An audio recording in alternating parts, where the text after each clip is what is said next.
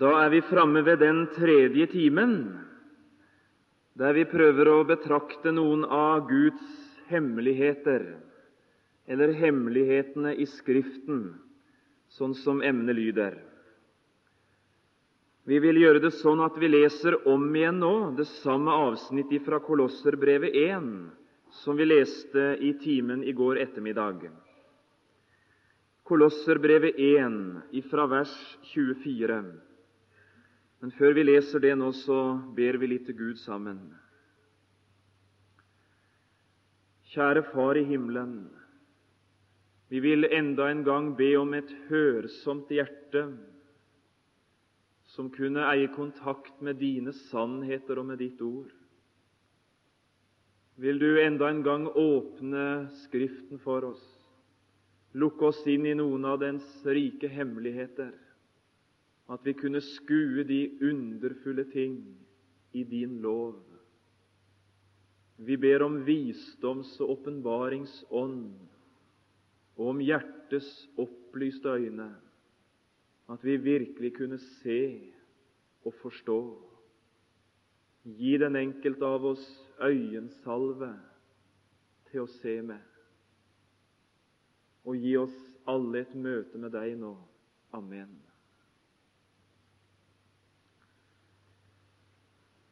Vers 24 og utover ifra Kolosserbrevet 1. Nå gleder jeg meg over mine lidelser for dere og utfyller i mitt kjød det som ennå fattes i Kristi trengsler, for Hans legeme, som er menigheten. Hvis tjener jeg er blitt etter den Guds husholdning som er meg gitt iblant dere, det vil si å fullføre Guds ord. Den hemmelighet som har vært skjult fra alle tiders og slekters opphav, men nå er blitt åpenbaret for Hans hellige. For hvem Gud ville kunngjøre hvor rik på herlighet denne hemmelighet er iblant hedningene, det er Kristus iblant dere, håpet om herlighet. Og ham forkynner vi, i det vi formaner hvert menneske og lærer hvert menneske med all visdom, for å fremstille hvert menneske fullkomment i Kristus. For dette arbeider jeg òg, i det jeg strider ved Hans kraft, som virker i meg med styrke. For jeg vil at dere skal vite hvor stor strid jeg har for dere, og for dem i Laudikea, og så mange som ikke har sett mitt åsyn i kjødet, for at deres hjerter må bli trøstet, så de knyttes sammen i kjærlighet og når frem til hele rikdommen av den fullvisse innsikt, til kunnskap om Guds hemmelighet, det er Kristus, i hvem alle visdommens og kunnskapens skatter er skjult til stede. Dette sier jeg for at ingen skal dåre dere ved lokkende tale. For om jeg enn er fraværende i kjødet, så er jeg dog hos dere i ånden, idet jeg med glede ser deres gode orden og den faste grunn i deres tro på Kristus.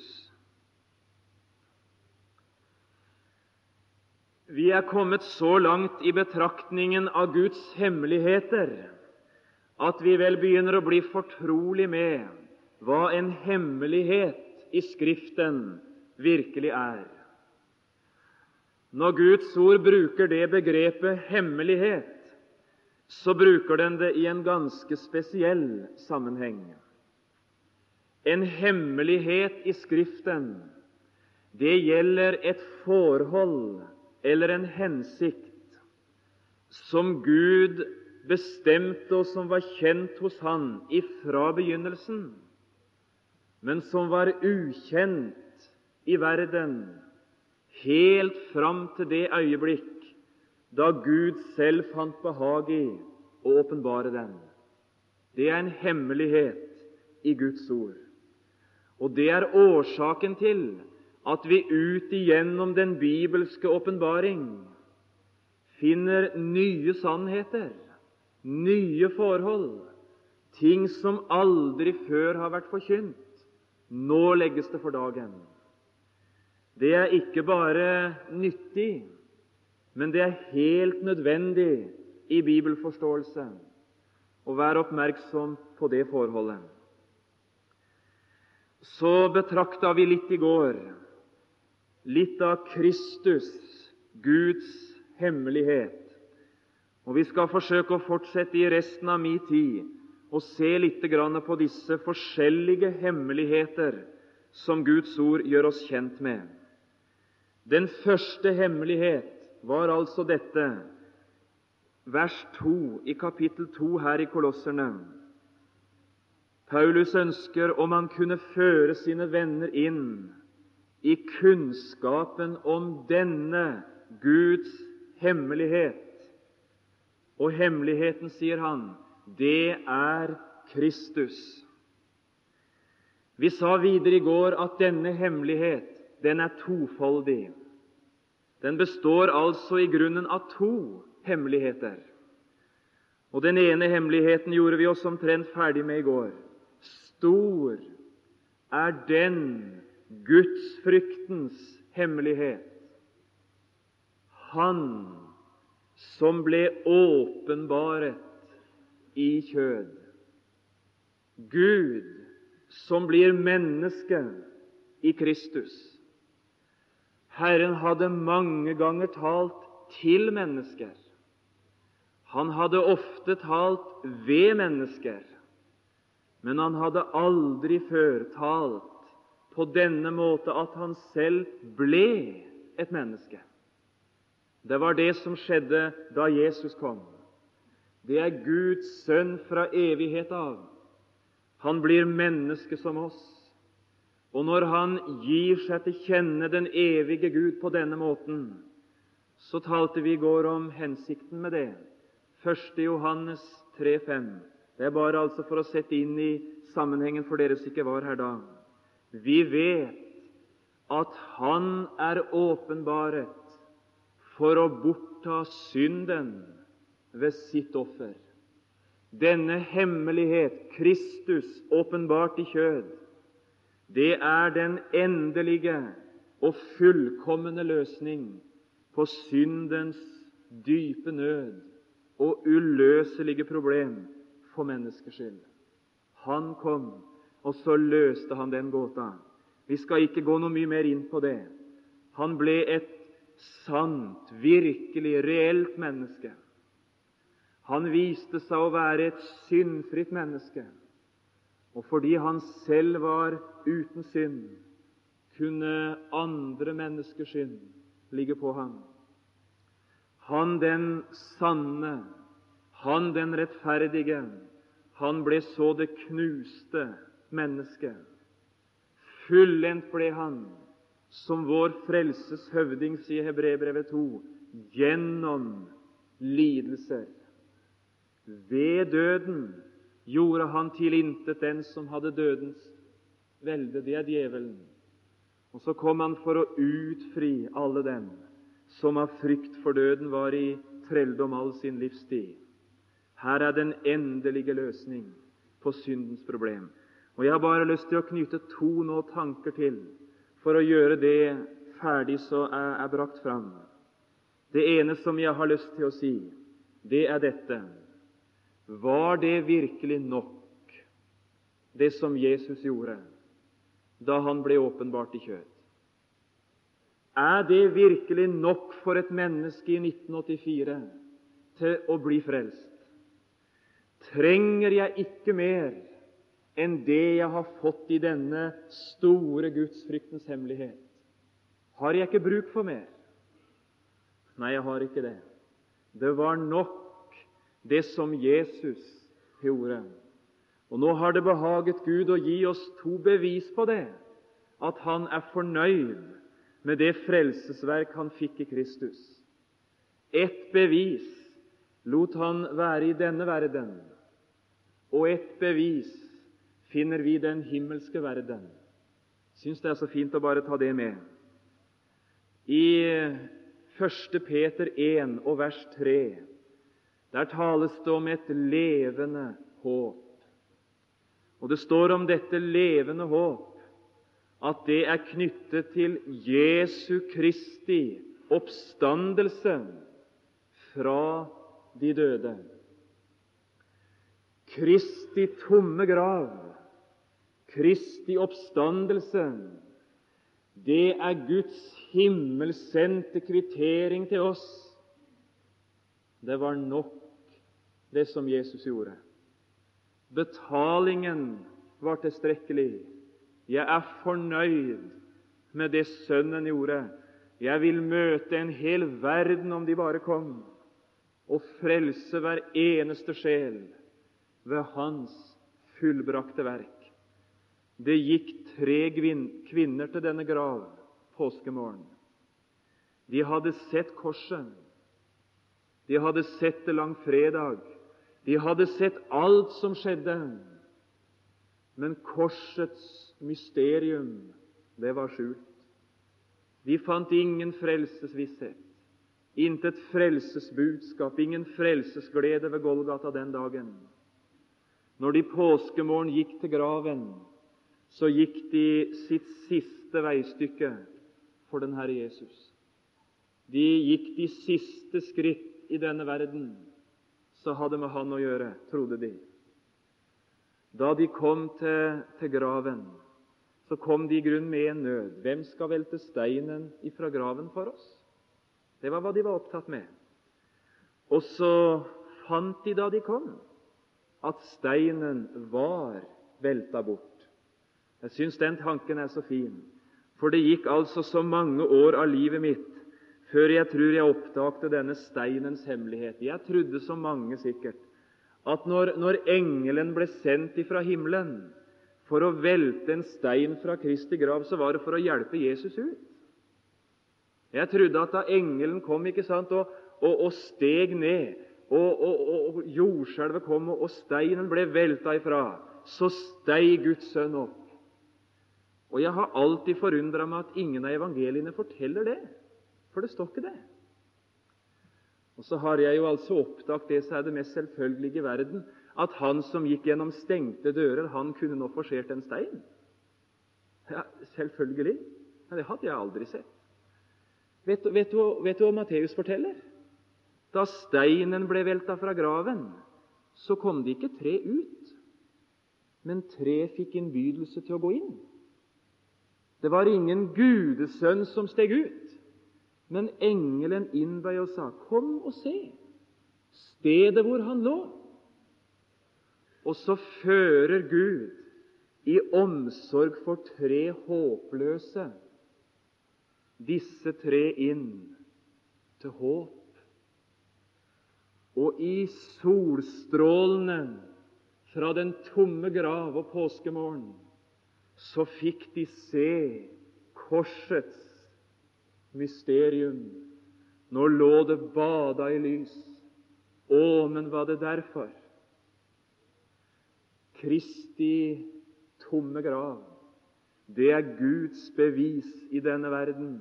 Det var nok, det som Jesus gjorde. Det er hans stempel, om du vil, på et fullbrakt verk.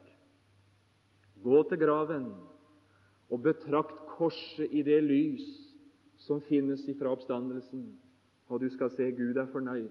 Så kan du være fornøyd. Vi har et bevis også i himmelen.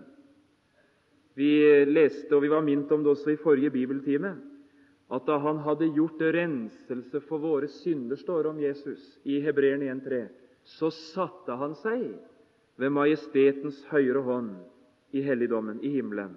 Vil dere slå opp nå i Hebrebrevet 10 og lese noen få vers sammen med meg? Jeg forsøkte å spørre en bibelskolelærer en gang, fordi jeg, jeg visste det ikke sjøl. Det var ikke for å prøve den, eller noe, for jeg, jeg forsto det ikke sjøl. Jeg hadde bare hørt det sånn, tror jeg, i forbifarten. At det var slik av betydning at, at Jesus satte seg i helligdommen. Og Det fikk jeg til svar at det betydde selvfølgelig altså, Nei, det kunne ikke bety noen ting. Det var altså Og så hadde jeg ikke lest Hebrebrevet 10 på den måten da, men det har jeg jo gjort seinere. Hør hva der står ifra vers 11.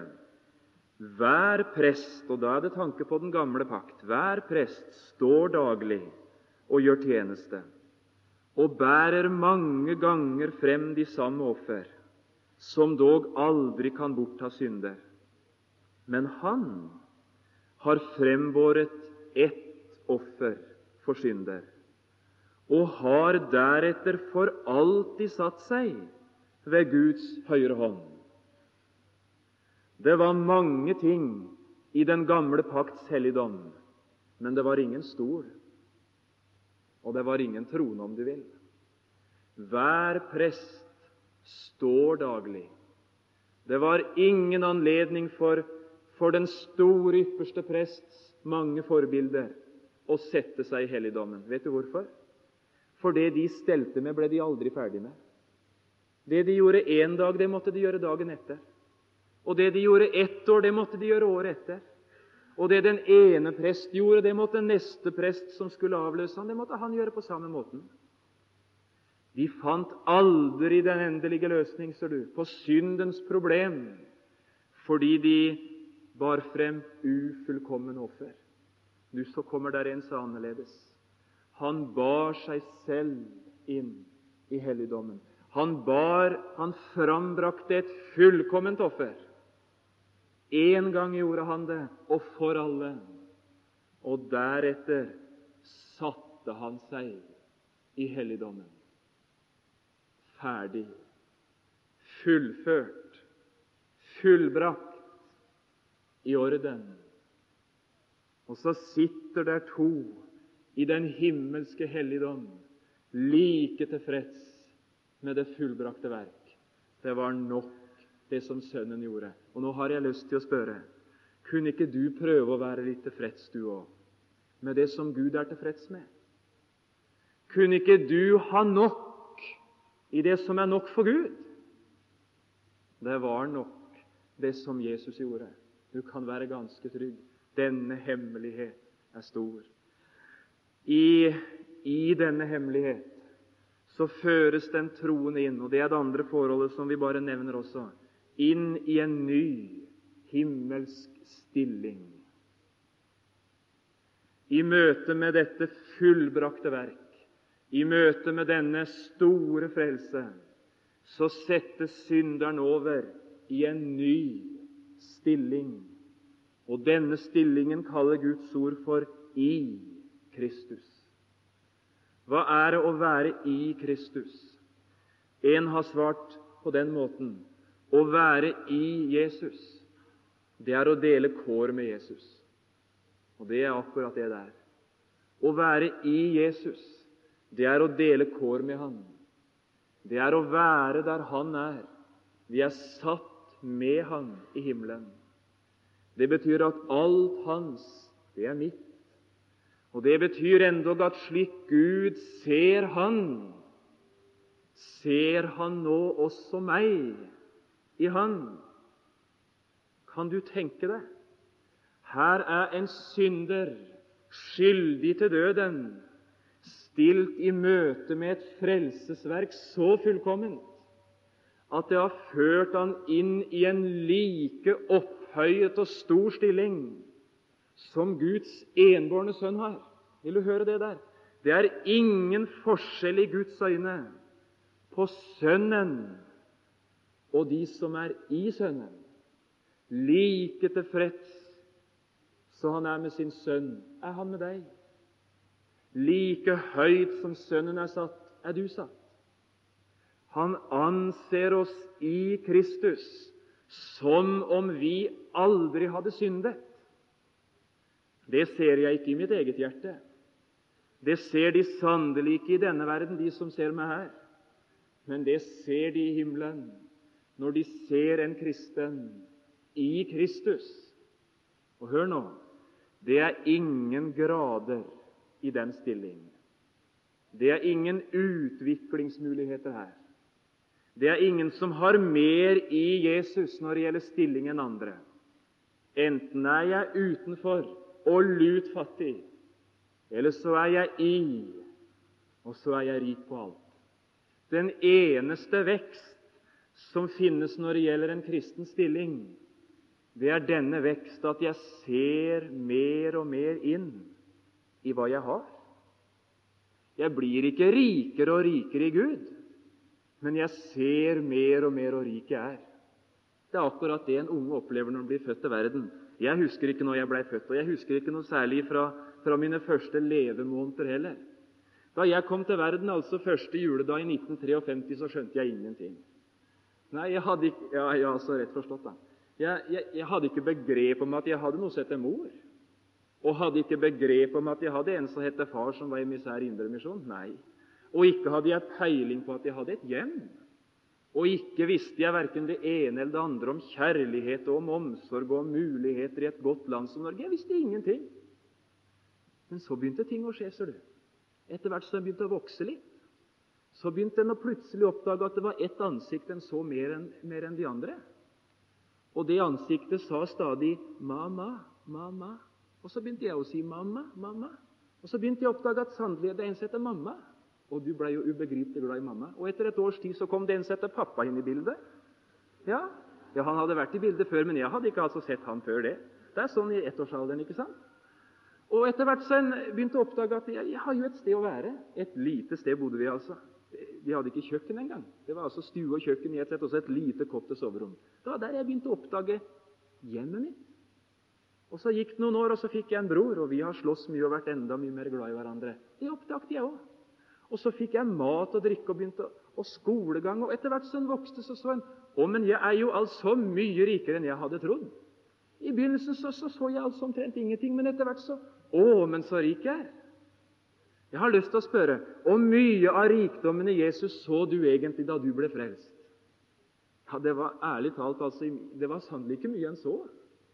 Altså, En så, en så nok til, til, å ta sin tilflukt til Jesus. Men, men altså, så har han fått leve med Gud litt.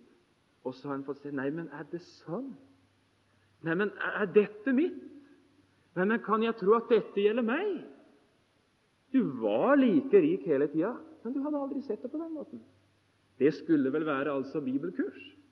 Å hjelpe hverandre inn i den rikdom som vi har. Å, men det er ei velsigna opplevelse å få sitte sånn. Jeg er altså så, Det er det kjekkeste jeg vet i verden.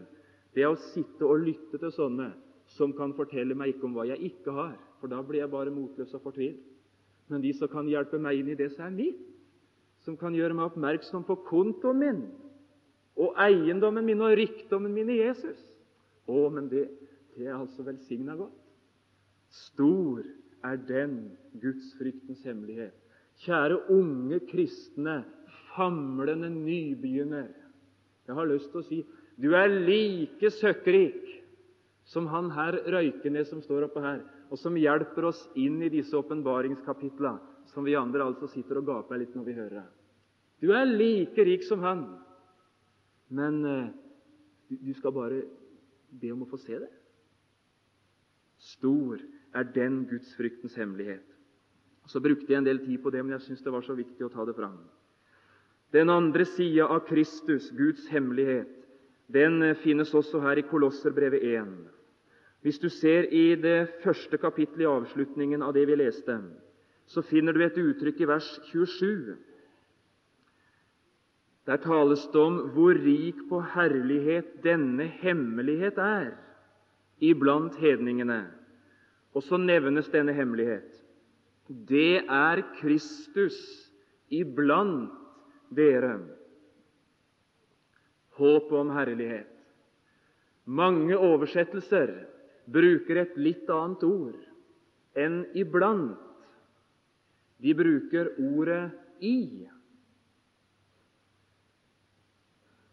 denne hemmelighet Kristus iblant, Kristus i dere. Å, men dette er en hemmelighet. Dette er en stor hemmelighet. Det hadde aldri før hendt at den evige Gud tok bolig i den enkelte troende på den måte som han nå gjør. Dette er gjenfødelsens dype hemmelighet. samtidig med at det skjer noe i min stilling, i mitt forhold til himmelen, så skjer det noe i mitt hjerte, i mitt liv, når jeg kommer til tro på Jesus. Nikodemus forsto ikke riktig det, men Jesus talte med han om det. Nikodemus, du må bli født på ny. Født ovenfra. Det er det det egentlig står. Født ifra himmelen. Født ved hjelp av himmelske krefter. Født på ny. Å, hvor rik den hemmelighet er. Kristus i dere. Og Nå skal du få altså en fin, en fin sammensetning. Like som Kristus fikk del i menneskers natur, skal du som hører Jesus til, få høre. Du får del i guddommelig natur. Som han steg inn i verden og tok på seg menneskers kår, menneskers kjøtt og blod, så setter han en kristen inn i en velsigna tilstand. Han gir han del i guddommelig natur. Det uttrykket er brukt i 2. Peter 1. og Vi kunne gjerne bare altså lese det som det står. For Her er det knytta til selve budskapet om Jesus, det å få del i den natur. 2. Peter 1, 3 og 4. Ettersom Hans guddommelige makt har gitt oss alt som tjener til liv og Guds frykt. Å, men det er vel godt å høre at Gud har tiltenkt oss alt som tjener til liv og Guds frykt. Det er det av hva han har tenkt. Han har, tenkt, han har tiltenkt deg alt. Og så sier han at det, det skal han ikke gi deg, men det har han gitt deg. Han har gitt oss alt som tjener til liv og Guds frykt. Ja, hvordan ga han oss det? Ved kunnskapen om Han ved kunnskapen om Han som kalte oss, ved sin egen herlighet og kraft. Og derved Og så kommer følgen, så kommer det som er medfølgen, riktig Og derved har gitt oss de største og dyreste løfter. Her åpner han noe for oss. Her legger han, her legger han løftesplanketter fram, og så sier han å, men nå skal du innta noe, noe velsigna fint, noe godt. Han har gitt oss de største og dyreste løfter for at dere ved dem skal få del i hva for noe? I guddommelig natur. Han som nå er Kristus for meg der i himmelen, han vil være Kristus i meg i denne verden. Efesebrevet 3,17 at Kristus må bo ved troen i deres hjerter. Galaterne 2,20.: Jeg er korsfestet med Kristus. Jeg lever ikke lenger selv, men Kristus lever i meg. Det er gjenfødelsens store under. Her, her begynner det nye livet i verden. Her begynner det som de etter hvert begynner å oppdage frukten av i dine omgivelser. Du er født på ny. Du har fått et nytt liv. Du er i ferd med å begynne å utfolde deg som et Guds barn. Og Her må vi stille enkelt noen få spørsmål knytta til gjenfødelsen. Ikke minst med tanke på dere som har bruk for veiledning inn i gjenfødelsens dype hemmelighet. To spørsmål. Hvordan blir et menneske født av Gud, født på ny? Hvordan skjer det underet? Og det andre hvordan kan jeg vite at jeg er født av Gud? Hvordan kan jeg vite at jeg er født på ny, er barn? Går det an å komme til visshet i det spørsmålet? Det ene spørsmålet først. Hvordan blir et menneske født på ny? I Johannes 3 så samtaler Jesus litt med Nikodemus. Det er jo så kjent for oss, så vi skal ikke bruke veldig mye tid på det. Men det er den fineste illustrasjonen i Skriften vi har på hvordan Jesus ikke bare taler om gjenfødelse, men til gjenfødelse. Du har lagt merke til at det er to forskjellige ting. Å tale om en sak og å tale til en sak. Du har lagt merke til det at det er forskjellige ting. Det går an å stå to timer på en prekestol og preke om kristen glede uten at noen blir glad av det. En kan tale så mye om glede at en går mer motløs hjem enn da en kom. De talte om glede. Det går an å tale evangeliet om Jesus slik at en ikke nevner ordet glede i det hele tatt, men en går hjem jublende glad, for det var noen som hadde syn for å tale til glede. Det sto en forkynner på en prekestol. Han sa ikke et ord om frelsesvisshet, men det budskapet han talte, det bevirka, og du gikk hjem viss og trygg og glad, for han talte til. Han rakte det, det han talte om. Han ikke bare skildra det nærmest som noe uoppnåelig. Jesus taler nok om gjenfødelse til Nikodemus, men han stoppa ikke med det. Han taler til. Hvordan blir et menneske født på ny? Vers 3.: Uten at noen blir født på ny, kan han ikke se Guds rike. Så den sak står fast at gjenfødelsens hemmelighet, det er ordet om gjenfødelsens nødvendighet. En, en, en må bli født på ny. Det er, ikke, det er ikke mulig å reparere noe i det gamle. Skal det bli et nytt liv i denne verden, så må det, så må det noe nytt til. Uten Nikodemus, at du blir født på ny, kan du ikke se Guds rike. Vers 7. Undre deg ikke over, for han begynte å undre seg, du Nikodemus. Hvordan kan et menneske annen gang komme inn i mors liv og bli født? Ubegripelig. Undre deg ikke, Nikodemus, vers 7, over at jeg sa deg dette. Dere må fødes på ny. Og Så begynner Jesus, og så hjelper han oss. Vers 8. Og hør nå. Vers 8 det er ikke sagt om Den hellige ånd. Vers 8 brukes ofte om Den hellige ånd. Og det brukes som et av de sterkeste skriftord på at Ånden er uberegnelig at han av og til handler i strikk og strid både med ord og med all slags. Og vinden blåser dit den vil, sier de, så, så å, å, gjøre noe med Guds ånd, det er helt umulig. Det er, ikke, det, er det, det er, ikke, det, han taler om i det hele tatt, Jesus. Hør hva det står. Vinden blåser dit den vil, og du hører den suser, men du vet ikke hvor den kommer fra, og hvor den farer hen. Således er det med hver den som er født av Ånden. Her taler Jesus ikke om Ånden, men om det nye mennesket, om en kristen, om den gjenfødte. Og Der sier Jesus to ting. Han sier for det første det er et uforklarlig mysterium som hører himmelen til, når et menneske virkelig blir født på ny. Det går ikke an i ord egentlig å sette ord på hva for et under som skjer.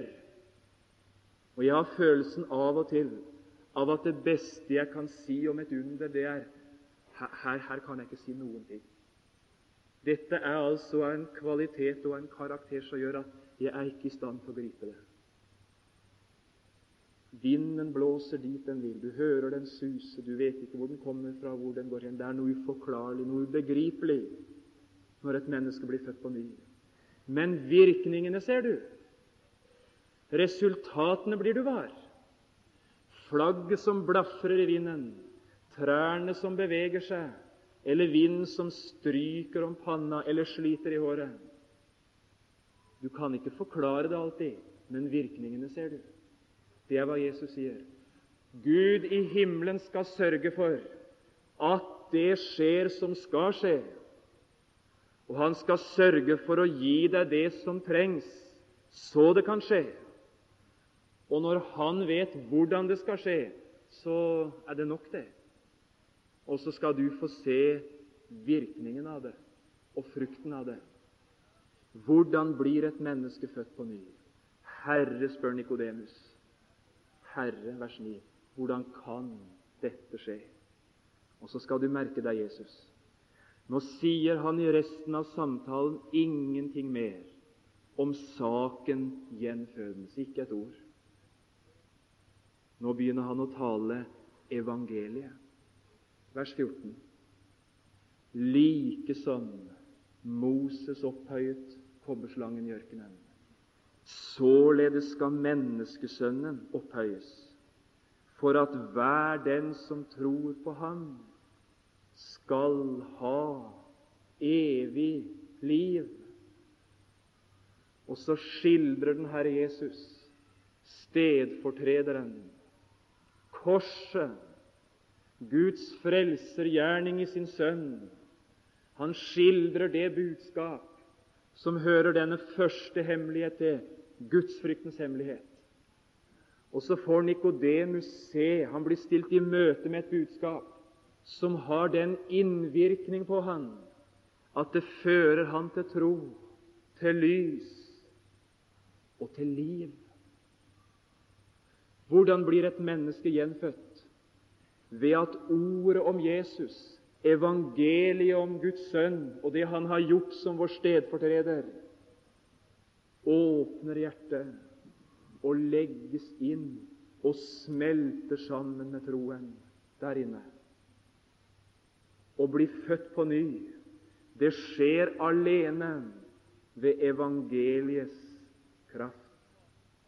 Når evangeliet legges inn ved Åndens lys i et mørkt, men åpent synderhjerte, da skjer underet, og virkningene de uteblir ikke. Du kan være trygg. La oss bare understreke det med to bibelavsnitt eller bibelord. Du kan notere det enkelt. Jakob 1 og vers 18. Jakob 1 og vers 18.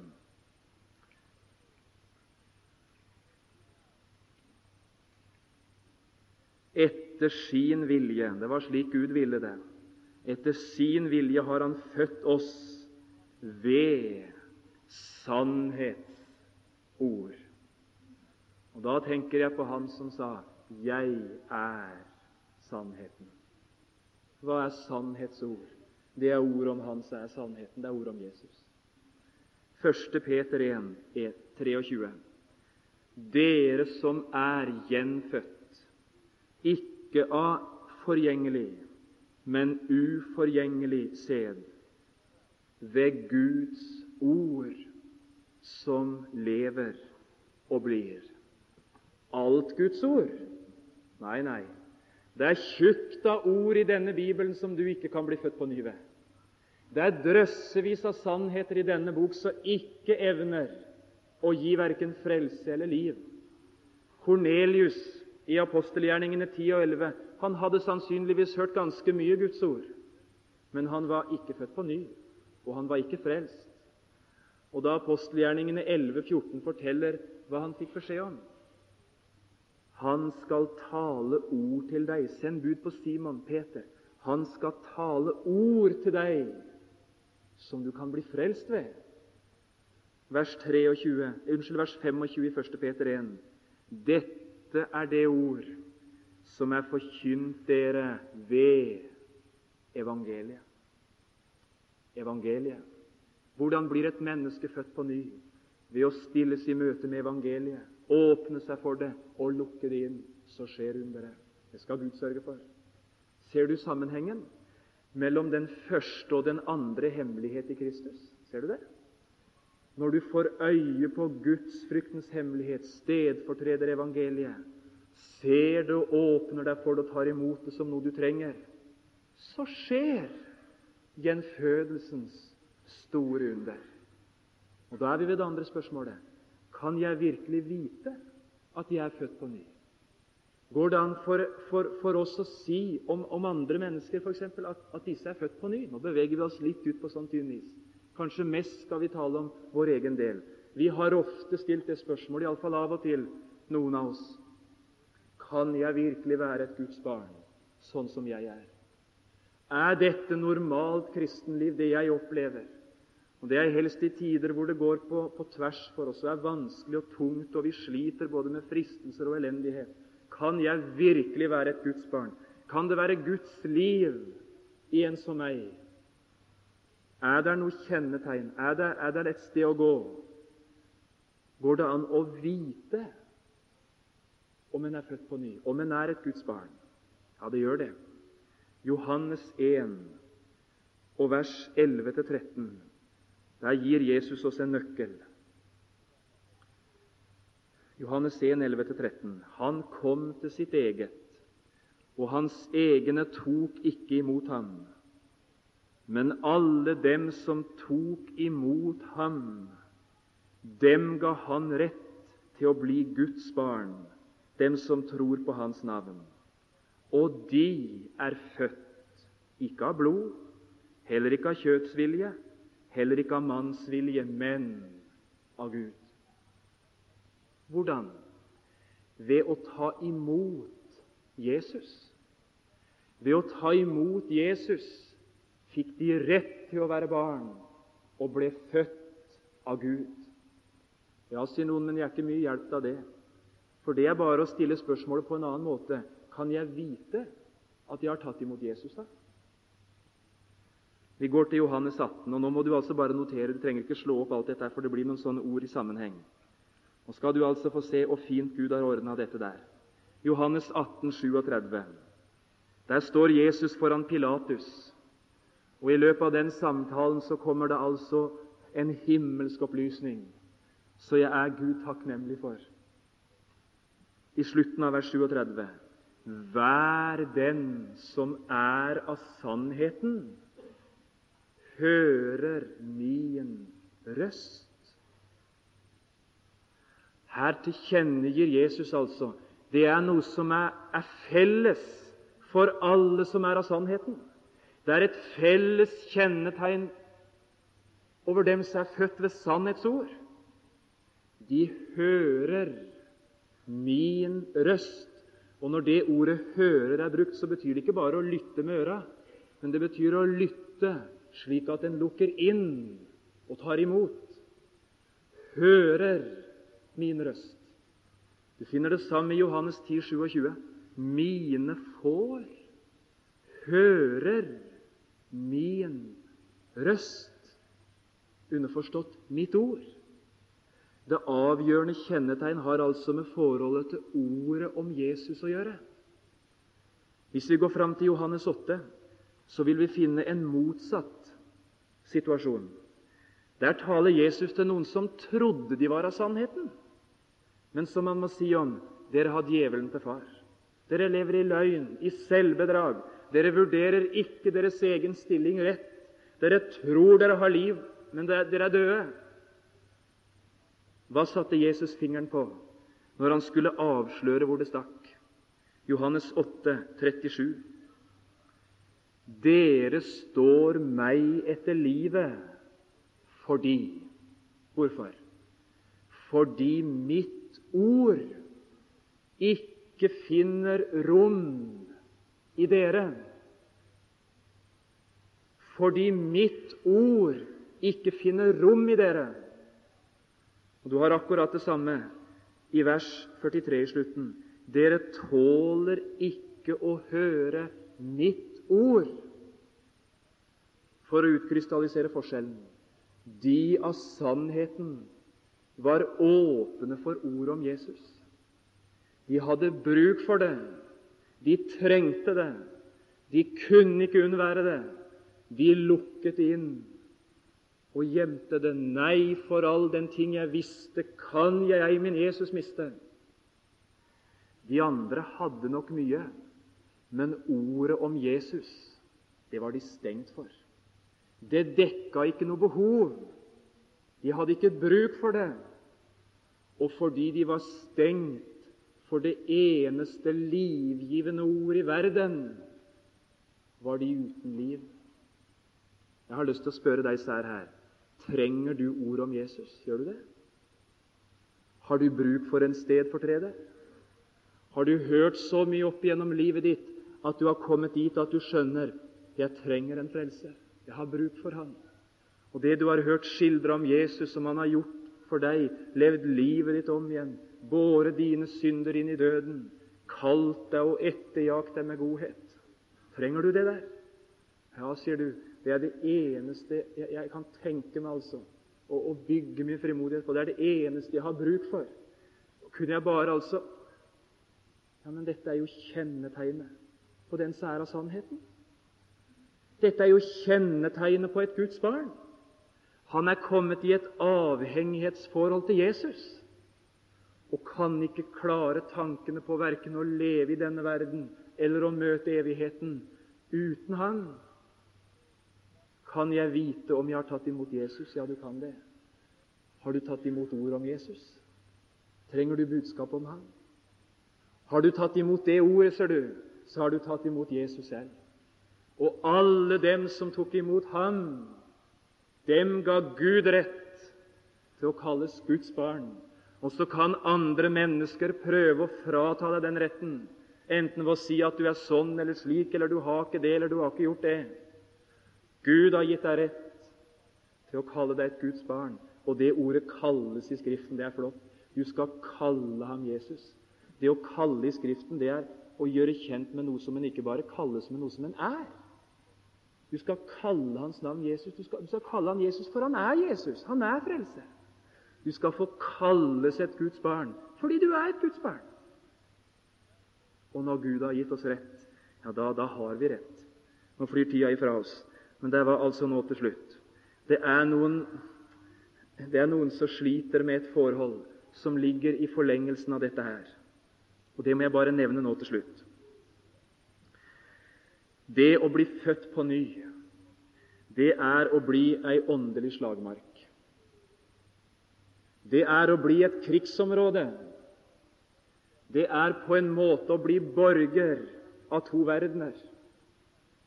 Det er å gjøre den store oppdagelsen, og forferdelige oppdagelsen til dels, at er slites i to retninger. Det var mye enklere før, for jeg, jeg, jeg slites nå iallfall bare i én retning, sjøl om jeg visste det var gærent. Nå har jeg møtt Gud, og nå, nå, vil jeg så gjerne det skal være rett. Men nå er det verre enn noen gang, for nå slites jeg i to retninger. Nå har jeg lyst til det, men jeg har lyst til det òg. Jeg vet det er rett og det er galt, men jeg har, jeg, jeg har på en måte lyst begge veier. Og En dag har jeg lyst til å be, og en annen dag har jeg ulyst til å be. En dag har jeg lyst til å lese Guds ord, en annen dag så sliter jeg med ulysten til det. Og det er ikke, det er ikke ganske få som har kommet i, i stor sjelevanskelighet fordi de ikke er oppmerksom på et, et grunnleggende forhold i en kristens liv. Han har to naturer. For ofte så kommer en, en ung kristen og så sier han, 'Kan jeg være en kristen?' sier de.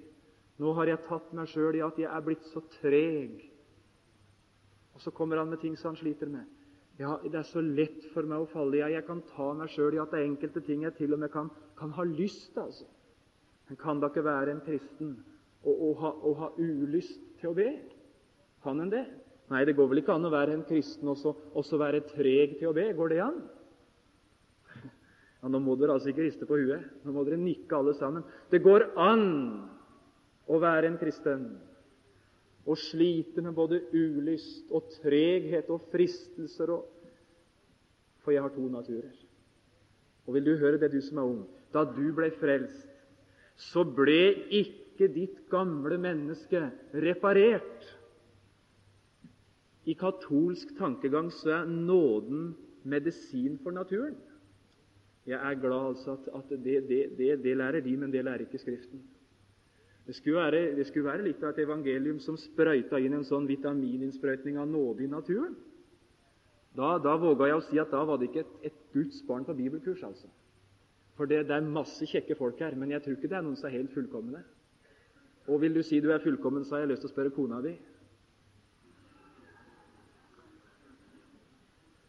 Å være en kristen, det er å ha to naturer. Det gamle er like uforbedra og like gudfiendtlig og skittent og stygt og vondt i dag som det har vært noen gang. Romeren 8. Kjødet er ikke Guds lov lydig, kan heller ikke være det. Det er derfor Gud endte det gamle menneskets historie juridisk i Kristi kors. Og det er en velsigna sannhet. Når en sliter med den gamle natur og det gamle mennesket, juridisk sett, ikke opplevelsesmessig, men juridisk sett, slik Gud dømmer etter, så har han avslutta det gamle menneskets historie i en dom. Og det er dommen i Kristi kors Han ble behandla etter alt det som er, og som sprang ut ifra ditt gamle menneske. Dommen rammet han, og han skal aldri kreve deg som er en kristen, til doms for ditt gamle menneskes iboende synd. Du kan være trygg. Og når Gud ser det sånn, så skal du akte deg død for synden. Du må ikke finne på å akte synden død for deg, for da blir du lurt. Det er syndfrihet.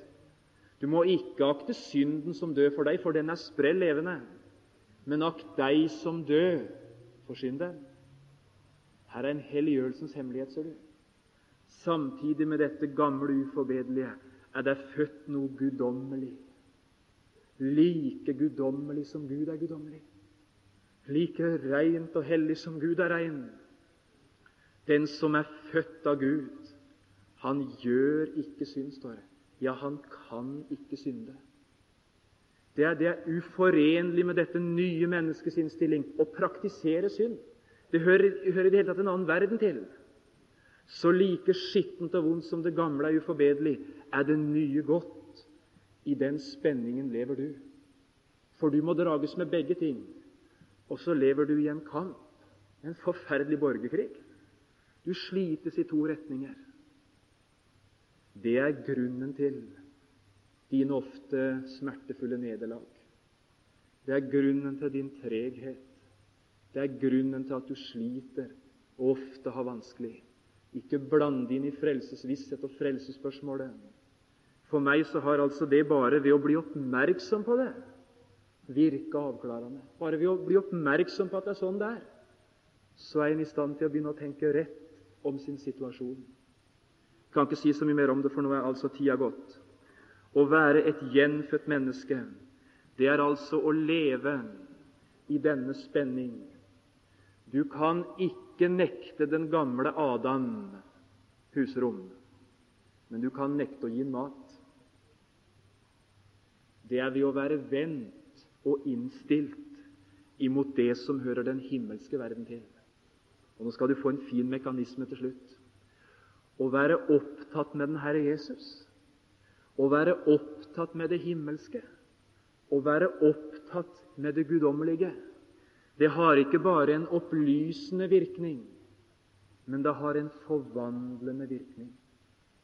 Se meget på Jesus, vil du bli ham lik. Du klarer aldri ved sjølstrev å vokse i helliggjørelse, men ved å være stille for ham, så forvandles du ved hans åsyns beskuelse. Her er helliggjørelsens nøkkel. Og ved å se Hans godhet, så får en lyst til å være god. Er det ikke sånn det er?